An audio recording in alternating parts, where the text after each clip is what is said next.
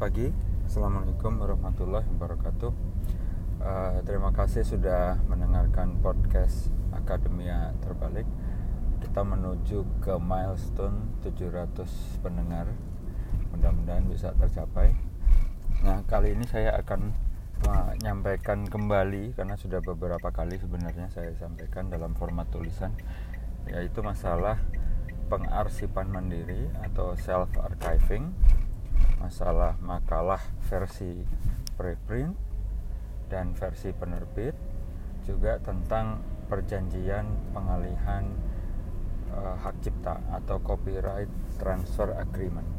Itu yang biasanya kita harus tanda tangani setelah makalah kita dinyatakan diterima untuk diterbitkan.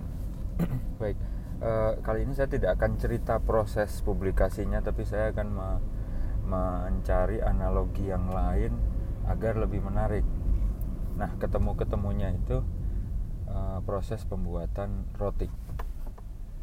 Sebenarnya bisa saja Anda ganti dengan uh, proses pembuatan tempe penyet atau ayam geprek gitu. Atau rujak cingur sama saja, tapi saya pilih roti agar netral, tidak pedas dan tidak uh, tidak pedas dan bisa dimakan semua orang. Baik, jadi pertama berawal dari resep ya. Nah, resep ini tuh bisa resep Anda sendiri atau resep turunan keluarga. Warisan keluarga, misalnya Anda punya ibu atau nenek atau siapa pun yang punya resep begitu dan itu sudah diturunkan uh, di keluarga. Nah, urusan resep ini uh, kemudian anda uh, tiru ya.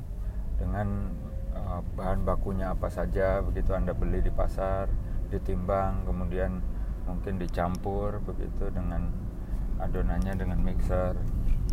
Nah setelah adonan selesai kemudian dipanaskan dengan oven. Nah kemudian jadilah roti. Roti itu jelas bikinan anda kan bikinan Anda, Anda yang me, uh, mengeluarkan uang, Anda yang capek membuatnya dan seterusnya. Jadi itu sepenuhnya punya Anda. Nah, kemudian tradisi keluarga itu membagikan kue itu ke orang-orang di sekitar, tetangga, teman, dan seterusnya. Dan semua bilang enak. Nah, sampailah suatu hari ada seorang pengusaha kue yang mendengar uh, resep Anda itu ya dan ingin mencicipi rotinya dan ternyata enak juga dia bilang. Maka kemudian dia menghubungi Anda. Bisakah kita kerjasama? Roti Anda saya bungkus dengan merek saya.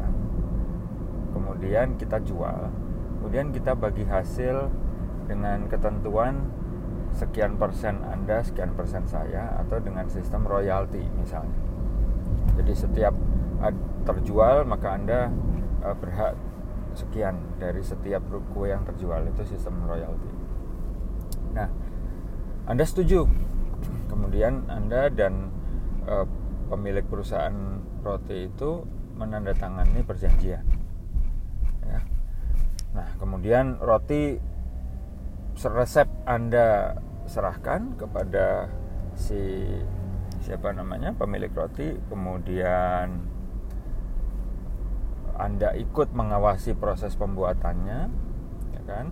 Terutama karena batch pertama atau pembuatan pertama biasanya kan masih masih rawan kesalahan jadi anda awasi gitu. Sampai akhirnya anda bisa lepas dan roti pun terus menerus diproduksi. Terjual ya. Di toko kue itu sudah dipajang. Nah pertanyaannya adalah apakah Anda masih boleh membuat resep itu? Menggunakan resep itu membuat kue kemudian Anda bagi-bagikan ke tetangga dan teman-teman seperti biasa. Tradisi turun temurun uh, itu akan tergantung kepada perjanjian. Nah kebetulan perjanjian Anda itu bunyinya begini. Satu Anda uh, dilarang me- apa namanya membuat perjanjian dengan perusahaan lain dengan resep yang sama atau dengan kue yang sama. Itu yang pertama. Yang kedua anda dilarang membagikan secara gratis kue-kue yang sudah bermerek yang sudah ada bungkusnya. Kecuali an- tentunya anda boleh membeli dulu baru kemudian anda bagikan. Yang ketiga ada ada pasal yang bilang bahwa anda tetap boleh membagikan kue secara bebas selama kue yang anda bagikan itu bukan yang bermerek. Nah berdasarkan tiga pasal itu maka uh, anda bisa membuat lagi resep uh, sorry menggunakan resep yang ada untuk membuat kue. Kemudian anda bagikan dengan format yang masih belum ada mereknya belum ada kemasannya mungkin belum ada bahan pengawetnya mungkin jadi itu adalah resep asli dan kue yang dihasilkan dari roti yang dihasilkan dari resep asli itu. Ya, tanpa tambahan apa pun. Nah itu itu yang terjadi ya. jadi anda boleh tuh berdasarkan perjanjian itu anda membuat roti lagi. Roti yang sama dibagikan secara gratis.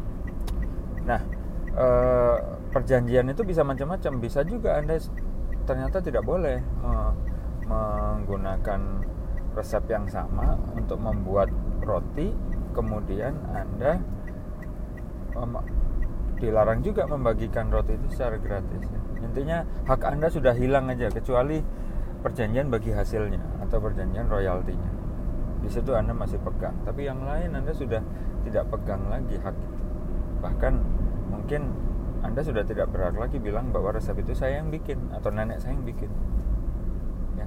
Nah, dari situ selesai ceritanya. Nah, sekarang kita cari analoginya dengan uh, proses publikasi. Jadi uh, dalam pemikiran saya, perusahaan roti itu adalah jurnal atau penerbit. Kemudian perjanjian itu adalah perjanjian copyright transfer agreement atau perjanjian pengalihan hak cipta. Kemudian roti dan resep asli itu adalah makalah versi preprint dan kemudian roti versi ya, yang sudah bermerek dikemas dengan baik, cantik itu adalah versi jurnal, makalah versi jurnal.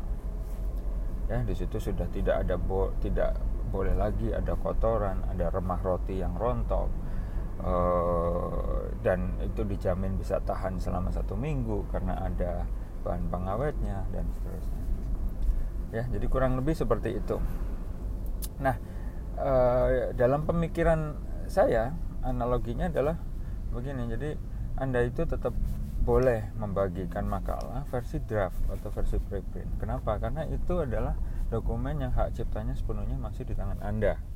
Masih milik anda. Tapi jelas analoginya dengan roti itu anda tidak boleh membagikan secara gratis makalah yang sudah di layout oleh penerbit ya itu sudah ketentuan umum walaupun ada juga penerbit yang membolehkan tapi umumnya penerbit tidak membolehkan itu dilakukan. Ya misalnya anda posting versi penerbit itu di research kit atau di in archive atau di institutional repository itu itu biasanya tidak dibolehkan. Nah anda juga tidak boleh makalah draft yang sama Anda kirim ke jurnal yang berbeda itu tidak boleh itu namanya duplikasi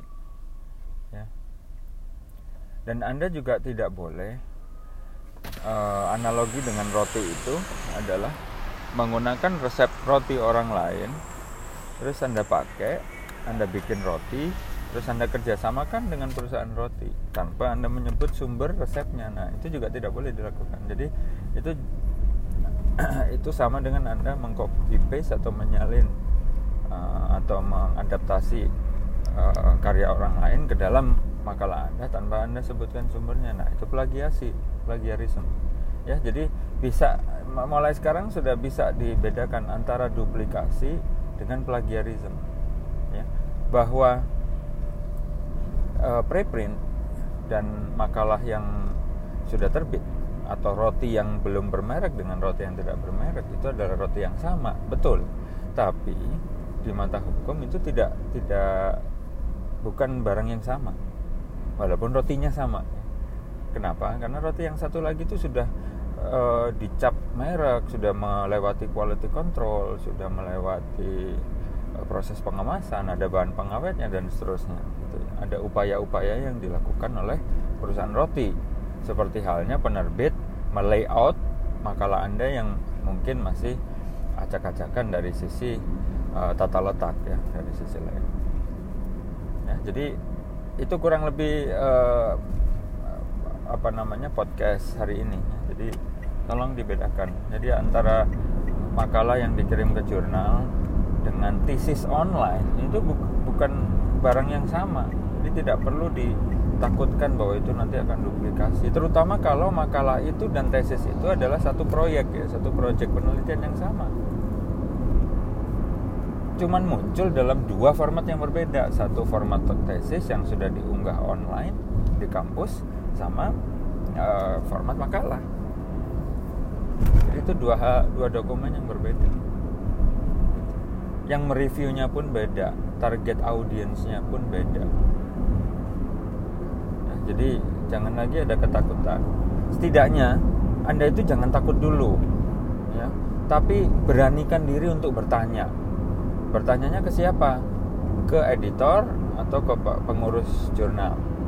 Nah kalau memang ada sesuatu yang yang Anda ragukan, ya Anda berhak untuk berargumentasi, ajukan berbagai resource atau sumber daya. Kebetulan saya juga beberapa kali pernah menulis tentang itu, sampaikan ini yang yang terjadi di dunia, maka mestinya Anda tidak tidak perlu memasalahkan bahwa draft makalah itu sudah pernah diunggah oleh penulis di tempat lain secara online.